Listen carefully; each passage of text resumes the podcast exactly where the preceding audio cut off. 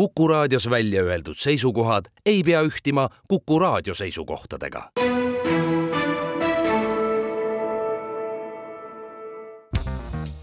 järjejutt. Douglas Stewart, Shaggy Payne, tõlkinud Anu Lutsepp Postimehe kirjastuselt. järjejutt. päev oli hall poisi mõtted olid hommikul rändama läinud ja keha üksinda uitama jätnud. klaasistunud pilgul täitis tühi keha kiiskavate luminofoorlampide all tuimalt igapäevaseid ülesandeid, samal ajal kui vaim riiulivahede kohal hõljus ja homsest unistas. homne oli miski, mida tasus oodata. tööpäevaks valmistudes tegi Shagi kõike kindlas järjekorras ta kallas kastme ja määrdekausside rasvase sisu puhastele alustele, pühkis äärtelt pritsmed, mis võisid pruuniks tõmbudes seisnud mulje jätta, sättis singiviilud meisterlikult kunstpeterselli võrsetega taldrikutele ning asetas oliivid nii, et kleepjas mahl nagu lima üle nende rohelise kesta voolaks. hommikul oli Ann McKeel taas jultumus teatada, et on haige jätta Shagile tänamatu ülesande hallata korraga nii kulinaaria kui ka soojatoiduletti. päev, mis algas seitsmekümne toore broileriga, ei saanud hästi lõppeda, eriti täna, mil see röövis kogu unelemise magusa mõnu. ta lükkas suure varda läbi iga surnukülma linnu ja sättis need kenasti ritta. tiivad väikesel rasvasel rinnal risti nägid broilerid välja nagu trobikond peata imikuid varem oleks ta selle korrapärasuse üle uhkust tundnud. tegelikult oli lihtne metallvarrast läbi mügariku roosa liha suruda, hoopis raskem oli vastu panna soovile sedasama ka klientidega teha. Nad kummardusid kuuma klaasi kohale ja uurisid lähedalt iga käntsakat. Nad valisid välja vaid parima, andmata endale aru, et puurikasvanduste mõte seisnebki selles, et kõik linnud on identsed. Shagi seisis hammustas tagumiste hammastega vaikselt põske ja manas klientide otsustamatusega leppimise märgiks ette sunnitud naeratuse. siis läks trall lahti. anna kolm rinda, viis koiba ja täna ainult üks tiib, poju. ta palus, et Jumal talle jõudu annaks. miks keegi enam tervet kana ei tahtnud? ta tõstis karkassi pikkade kahvlitega õhku ettevaatlikult, et lindu kinnastatud kätega mitte puudutada ning lõikas lihakääridega puhtalt ja nahka eemaldamata soovitud tükid. niimoodi lihaleti tulede kohal seistes oli tal loll tunne. pea hakkas juuksevõrgu all higistama ja käed polnud veel piisavalt tugevad, et linnu taguots meisterlikult nüride terade vahele napsata. ta tõmbus kergelt küüru, et seljalihaste abil randmeid toetada ja muudkui naeratas halvimal juhul võisid tangid libiseda, lihakäntsakas võis maha prantsatada ja üle kivipõranda liuelda. siis leidis ta tavaliselt mõne ettekäände, et otsast alata, laskmata määrdunud linnul kunagi raisku minna. kui klient selja pööras, pani ta broileri tema kuumade kollaste tulede all pöörlevate õekeste juurde tagasi. hügieen oli talle vägagi tähtis, ent säärased väikesed salavõidud hoidsid teda joonel enamik põlastava pilgu ja mehelike näojoontega koduperenaisi, kes siin sisseoste tegid, olid selle ära teeninud. viis, kuidas nad talle ülevalt alla vaatasid, ajas poisil harja punaseks. halvimatel päevadel vürtsitas ta taramasalata määret oma kõikvõimalike kehavedelikega. seda väikekodanlikku paska osteti üllatavalt palju. ta oli Killfeathersi toidupoes töötanud üle aasta see ei olnud algul nii plaanis. tal oli vaja lihtsalt süüa ja iganädalast üüri maksta ning pood oli ainus äri, kes soostus ta tööle võtma. härra Killfeather oli kitsikaabakas, kes eelistas töötajaid, kellele polnud vaja täispalka maksta ning Shagi ei saanud lünkliku koolitee kõrvalt pikki vahetusi võtta. tema unistus oli siit edasi liikuda. talle oli alati meeldinud juukseid harjata ja nendega mängida see oli ainus tegevus, millega aeg tõesti lendas. kui ta kuusteist sai, lubas ta, et hakkab Clyde'i lõunakaldal juuksurikursustel käima. ta oli kõvasti inspiratsiooni kogunud Littlewoodsi kataloogist soenguid maha joonistanud ja pühapäevalehtedest pilte välja rebinud. siis sõitis ta Cardonaldisse, et õhtuste tundide kohta uurida. kooli vastas bussipeatuses sattus ta kokku kamba kaheksateistaastastega. Nad kandsid kõige uuemaid ja moekamaid rõivaid ning sumisesid enesekindlalt, varjates seeläbi sisemist ebakindlust Shagi kõndis neist poole aeglasemalt.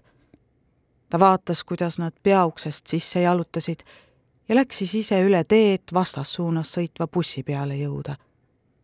järgmisel nädalal alustas ta tööd Killfeathersis. Hommikune paus kulus Shagil tavaliselt soodushinnaga toodete kasti kohal mõlkis konservipurke revideerides ta leidis kolm väikest vähekahjustatud Šoti lõhekonservi, mille sildid olid kulunud ja kriimulised, ent purgid ise terved. ta tasus ostude eest oma viimase palgapiskuga ja pistis need vanasse koolikotti, mille ta seejärel tagasi lukustatavasse kappi pani.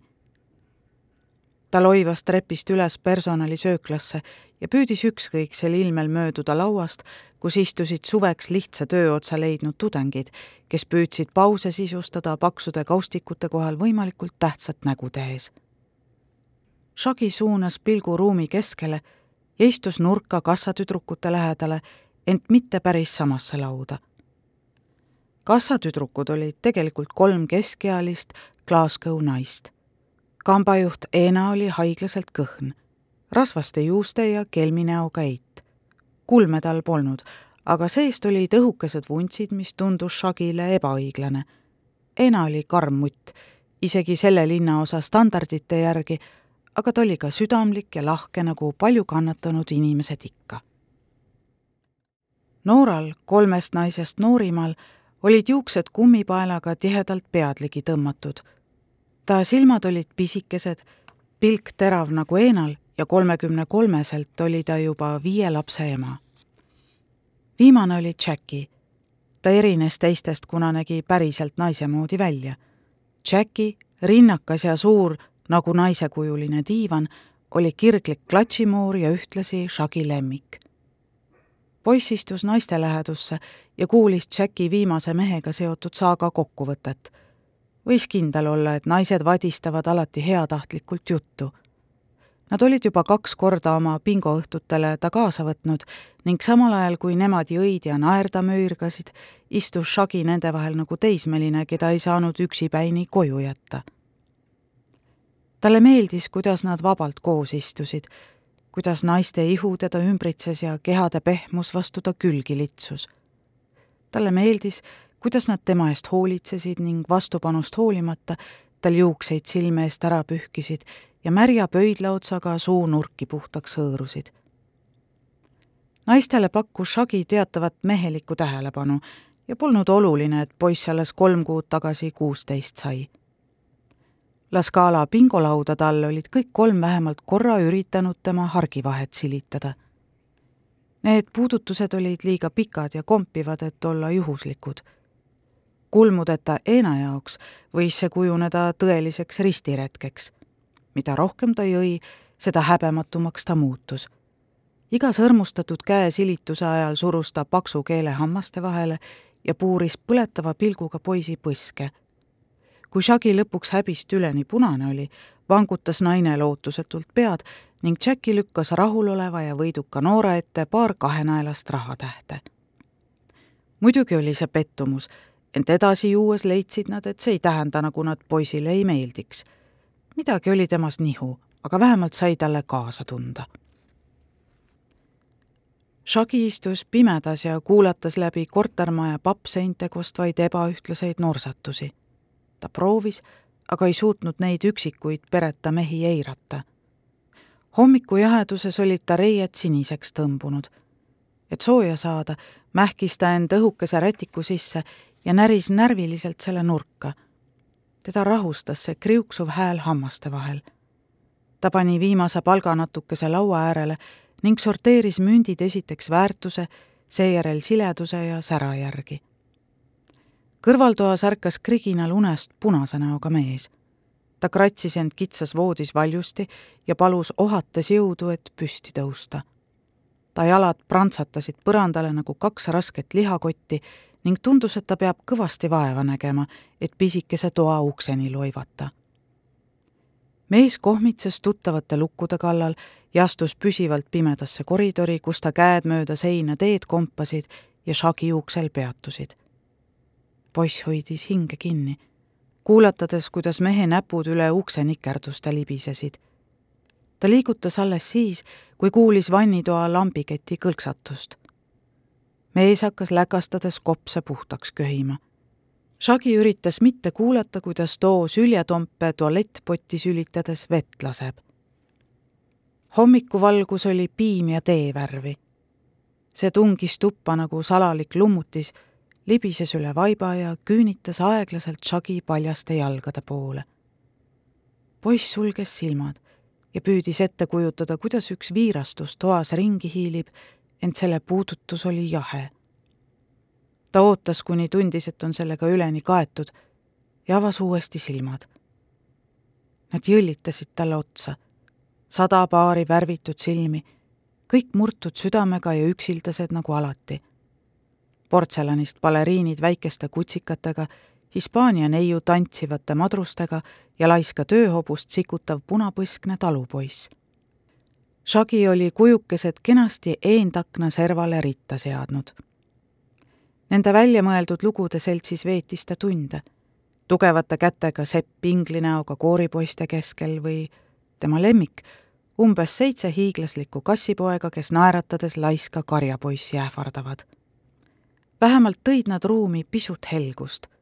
tuba oli kõrge, aga kitsas ja Shagi ühe inimese voodi laiutas selle keskel nagu vahesein. Ühel pool seina ääres oli vanamoodne kahekohaline puidust iste, millel istud läbi õhukeste patjade alati selga soonisid. teisel pool oli väike külmik ja kahe plaadiga elektripliit kui sassis voodilinad välja arvata, oli kõik omal kohal. Polnud ei tolmu, musti riideid ega muid elumärke. Shagi püüdis ennast rahustada, tõmmates käega üle halvasti kokku sobitatud voodipesu. Ta teadis, et ema oleks ärritanud, vastandvärvid ja mustrid üksteise peal, nagu poleks oluline, mida teised mõtlevad. see segadus oleks ema uhkust riivanud. ühel päeval paneb Shagi natuke raha kõrvale ja ostab päris oma voodipesu, pehme, sooja ja ühes värvitoonis komplekti. tal vedas, et ta proua Bahši pansionaati toa sai. Õnneks armastas eelmine üürnik liiga palju juua ja pisteti pokri. suur eentaken avanes uhkelt Albert Drive'ile ja Shagi eeldas, et kunagi asus siin üsna ruumika kolmetoalise korteri elutuba tal ei saanud mõne teise toa uksest sisse piiluda. kööginurgas, mille proua Pahš oli magamistoaks ümber sättinud, oli ikka veel maas vanaruuduline linoleum ning kolmes ülejäänud karbikujulisemas toas olid alles vanad kulunud vaibad. Punase näoga mees elas toas, mis oli kunagi ilmselt lastetuba. seinas oli siiani kollase lilleline tapeet ja laekarniisi all lustakas lint naervate jänkudega mehe voodi, diivan ja köögipliit olid kõik ühe seina vastas reas. Shagi oli tuba läbi praokil ukseava korra näinud ja tal oli hea meel oma suure akna üle. tal vedas, et ta pakistanlaste juurde sattus. Ükski teine majaomanik polnud nõus andma tuba üürile viieteistaastasele poisile, kes väitis, et on äsja kuusteist saanud. Nad ei öelnud seda välja, ent esitasid liiga palju küsimusi Nad piidlesid kahtlustavalt ta parimat koolisärki ja läikima löödud kingi. kahtlane värk, ütles nende pilk. Shagi nägi suunurkade järgi ära, et nende meelest oli see häbiasi, et temavanusel poisil pole ei ema ega muid lähedasi. Proua Pahšil polnud sellest sooja ega külma. ta heitis pilgu poisi seljakotile ja ühe kuu üürile ning läks tagasi oma jõmpsikaid kantseldama Shagi oli selle esimese üüriraha ümbriku sinise pastakaga spetsiaalselt proua Bashi jaoks ära kaunistanud. ta tahtis näidata, et on hea poiss, piisavalt usaldusväärne ja lisapingutust väärt. nii tõmbaski ta geograafia vihikust välja ühe lehe joonistas sellele väänlevaid idamaiseid mustreid, põimis need naise nimetähtedega ja värvis seest ära, et koobaltsiniselt säravad paabulinnu kujutised paremini esile tuleksid. omanik elas kõrvalmajas samasuguses, ent rikkalikult sisustatud ja palavaks köetud korteris. teises külmas korteris elas viies eraldi toas viis meest, kes maksid kaheksateist naela ja neli penni nädalas, iga nädal ja ainult sularahas. kaks meest, kes abiraha ei saanud, pidid reede õhtuti esimese osa oma palgast proua Bachši ukse alt sisse libistama ja võisid alles seejärel minna ülejäänut maha jooma. põlvili esikumatil tardusid nad ukse alt kiirgava rahulolu kuma kohal hetkeks paigale. toast hoovas aromaatsete kanaroogade lõhna, telekanalite pärast kaklevate laste rõõmukilkeid ja laua ääres võõras keeles vestlevate turskete naiste naerukõminat omanik ei tülitanud Shagit kunagi. ta ei tõstnud eales jalga tema tuppa, kui just üür polnud hilinenud, vaid siis tuli ta teiste tugevate Pakistani naistega ja koputas raskelt meeste ustele. peamiselt käis ta majas selleks, et akendeta koridoris tolmu imeda või et vanniesine lapiga üle käia kord kuus valas ta tualettpoti ümber valgendit ja vahetas aeg-ajalt välja kusest läbi imbunud vaibanartsu Shagi nõjatus näoga vastu ust ja kuulas, kas punase näoga mees on pesemise lõpetanud. vaikuses kostis, kuidas vannitoa uks snepprist lahti klõpsatas ja mees koridori astus. poiss libistas jalad vanadesse koolikingadesse.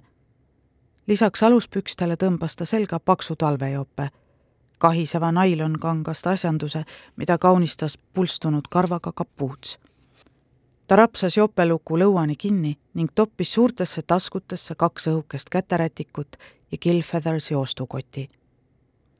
uksealusesse prakku oli Shagi surunud koolikampsuni. kui ta selle ära võttis, uhkas tuppa külma õhuvooluga teiste meeste lõhna.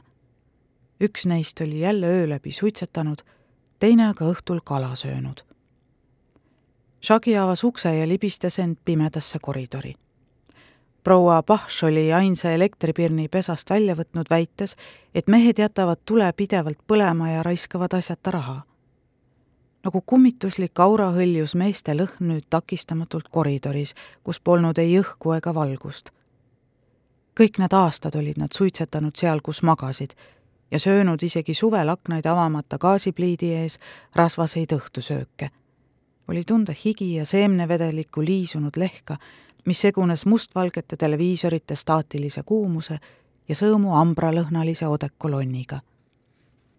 Shagi oli hakanud meestel vahet tegema.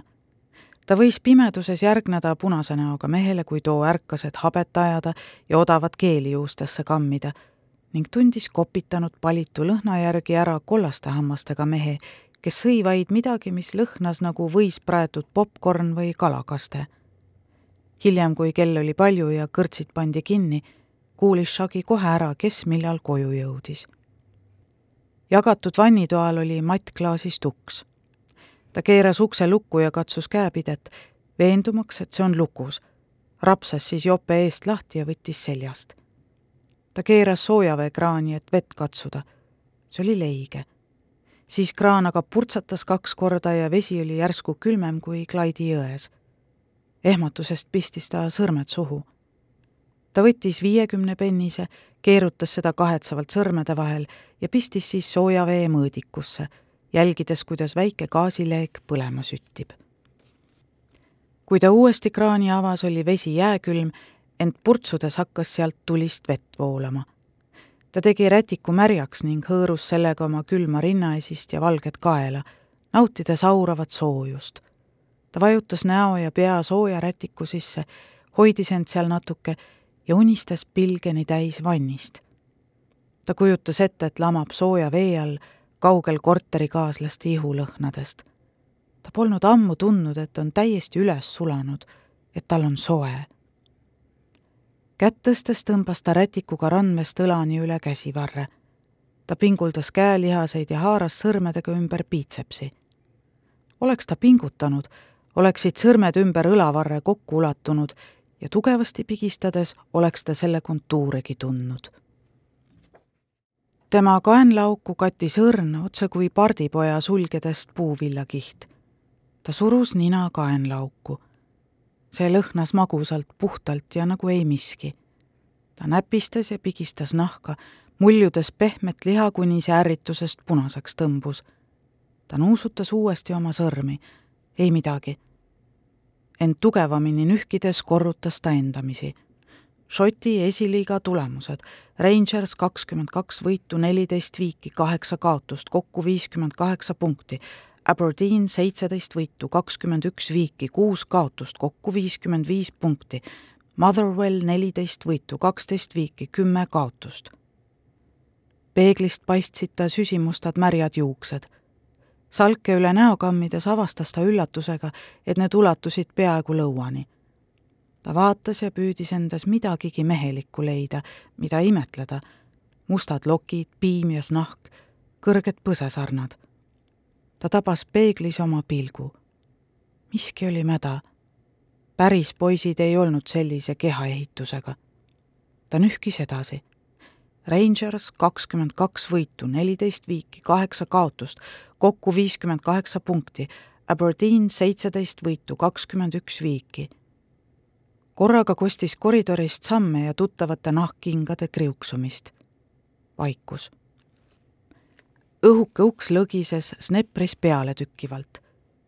Shagi küünitas jope järele ja tõmbas selle üle märja keha. kui ta proua Pahši üürituppa sisse kolis, märkas seda vaid üks kaasüürnik. punanägu ja kollahammas olid kas liiga pimedad või ära joonud, et sellest välja teha aga tol esimesel õhtul, kui Shagi voodil istus ja võiga saiakontsu sõi, koputas keegi ta uksele. Poiss oli kaua vait, enne kui otsustas ukse lahti teha. koridoris seisis pikka kasvu, tugeva kehaehitusega ja männiseebi järele lõhnav mees. tal oli käes kilekott kaheteistkümne õllepurgiga, mis kõlksusid üksteise vastu nagu summutatud kirikukellad tugevasti Shagi kätt surudes ütles mees, et on Joseph Darling ja üritas kilekotti poisile ulatada. Shagi proovis küll öelda ei, aitäh viisakalt, nagu talle oli õpetatud, ent miski mehe juures hirmutas teda ja ta lasi ta tuppa. Nad istusid vaikselt. Shagi ja tema külaline kenasti ära tehtud voodiserval kookus ning vaatasid välja üürimaju täis tänavale protestantide pered sõid parajasti televiisorite ees õhtust ja koristajamutt, kes elas üle tee, istus üksinda oma kokkupandava laua taga. Nad jõid vaikides ja vaatasid, kuidas teised oma igapäevaseid asju õiendasid. härra Darling ei võtnud paksu villast mantlit seljast. tema keharaskuse tõttu vajus Shagi voodil vastu mehe laia külge silmanurgast jälgis poiss, kuidas külalise kollased sõrmeotsad närviliselt trummeldasid. viisakusest võttis Shagi sõõmu õlut ning samal ajal, kui mees temaga rääkis, suutis ta mõelda vaid purgi õlle maitsele. Kui hapu ja rõõmutu see on. see meenutas asju, mida ta oleks tahtnud unustada. paistis, et härra Darling on mõtlik ja üsna kinnine mees Shagi pingutas, et olla viisakas ja kuulata, kuidas külaline jutustab majahoidja tööst ühes protestantide koolis, mis pandi kinni ja ühendati kokkuhoiu mõttes katoliikliku kooliga. Jutu järgi näis, et härra Darlingut häiris töökaotusest enam see, et protestandi võsud nüüd rõõmsalt koos katoliiklastega ringi jooksevad. mulle see pähe ei mahu, oli ta öelnud minu ajal see ikka tähendas midagi, mis usku sa olid koolis pidi bussitäie kapsasöödikutest katoliiklaste ees enda eest väljas olema. see oli uhkuse asi. nüüd on aga iga küps mimm valmis iirlasega voodisse ronima. Shagi teeskles, et võtab purgist väikse lonksu, ent lasi joogil pigem hammaste vahel ringi keerelda ja tagasi purki niriseda.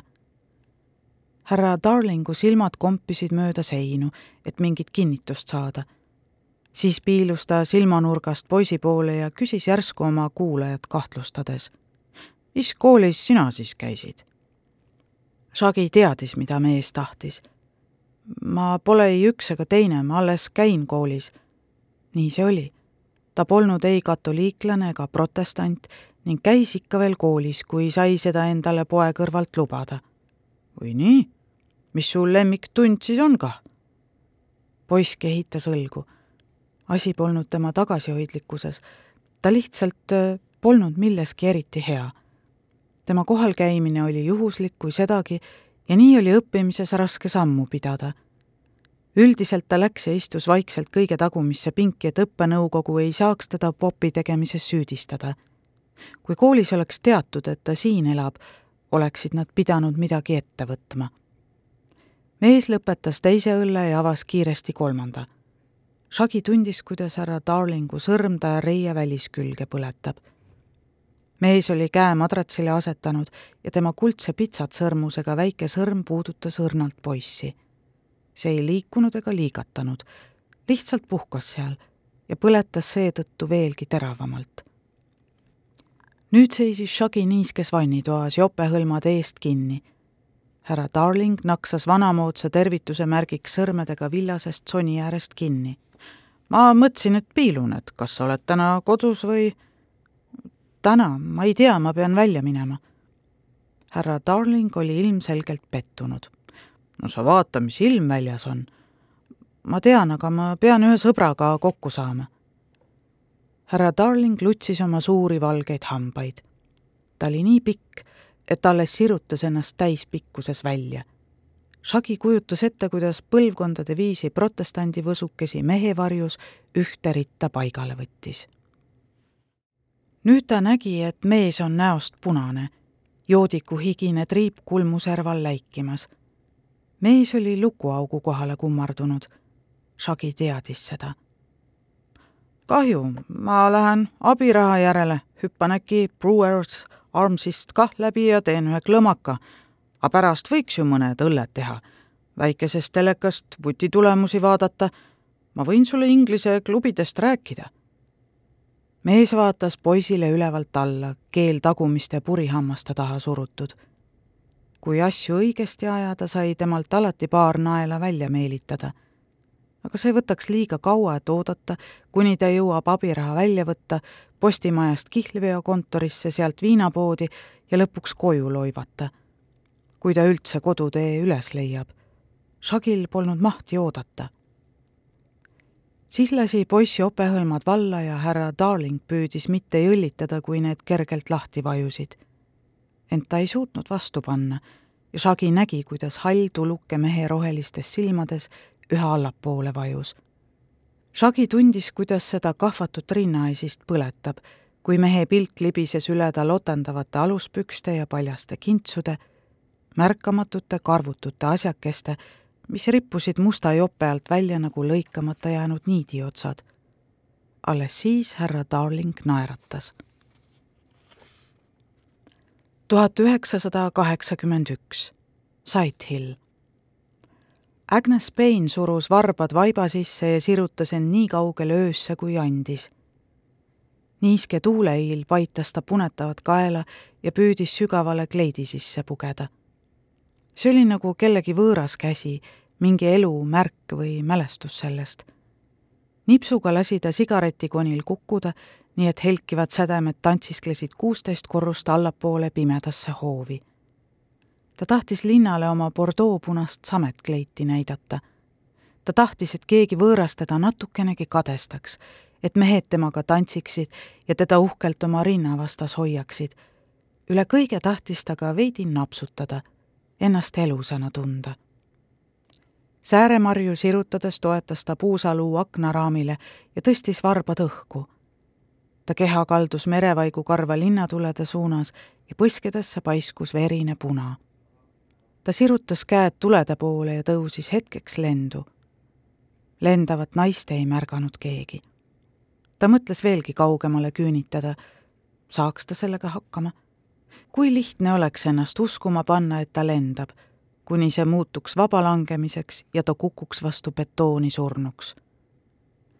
siiani ema ja isaga jagatud korter tornmajas tõmbus ta ümber kokku.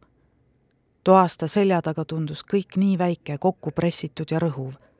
nädala alguse palgapäevast pühapäevase missani kulgev laenuga ostetud elu, kus miski polnud päriselt tema oma elada kolmekümne üheksa aastaselt mehe ja kolme lapsega, kellest kaks olid peaaegu täiskasvanud, pead-jalad koos mamma juures tekitas tunde, et ta on läbi kukkunud. mees, kes temaga voodit jagades nüüd vaid serva peal magas, ajas teda oma paremat elu tõotavate katteta lubadustega vihale.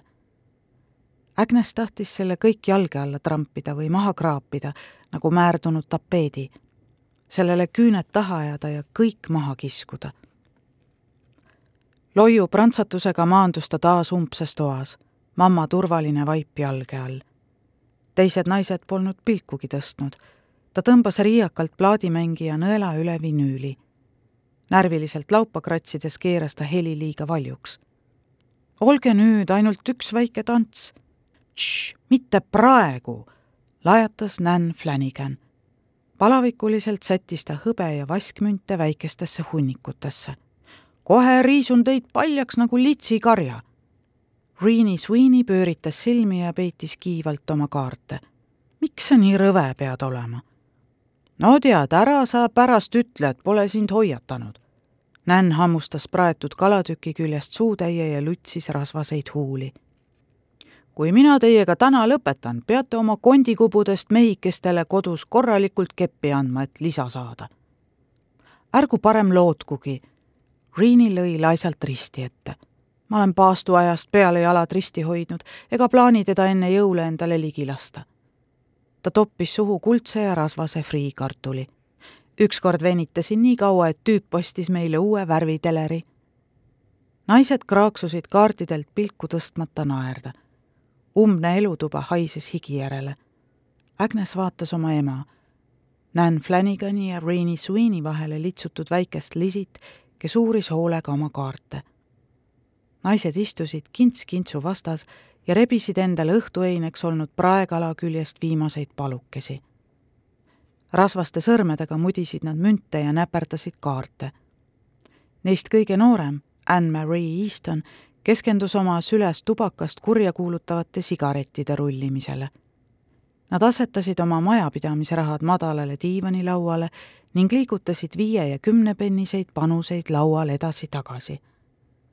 Agnesel oli igav. kunagi enne lotendavaid kampsuneid ja kõrenditest abikaasasid oli ta nad kõik tantsima viinud. neiupõlves olid nad üksteise küljes kinni nagu pärlid niidi otsas ja laulsid täiest kõrist, nii et Soki-Hooli tänavani oli kuulda. Nad olid alaealised, kuid Agnes, ise alles viisteist, aga juba nii enesekindel, teadis, et nad lastakse sisse. turvamehed märkasid alati, kuidas ta järjekorra lõpus säras ja viipasid, et ta lähemale tuleks temaga tõmbas sõbrannad kaasa, nagu oleks nendega kokku aheldatud. Nad hoidsid ta mantlivööst kinni ja pomisesid midagi vastu, ent piisas vaid sellest, et Agnes naerataks oma ainult meestele mõeldud naeratust, mida ta ema eest varjas. Järjejutt. Douglas Stewart, Shaggy Payne, tõlkinud Anu Lutsepp Postimehe kirjastuselt järjejutt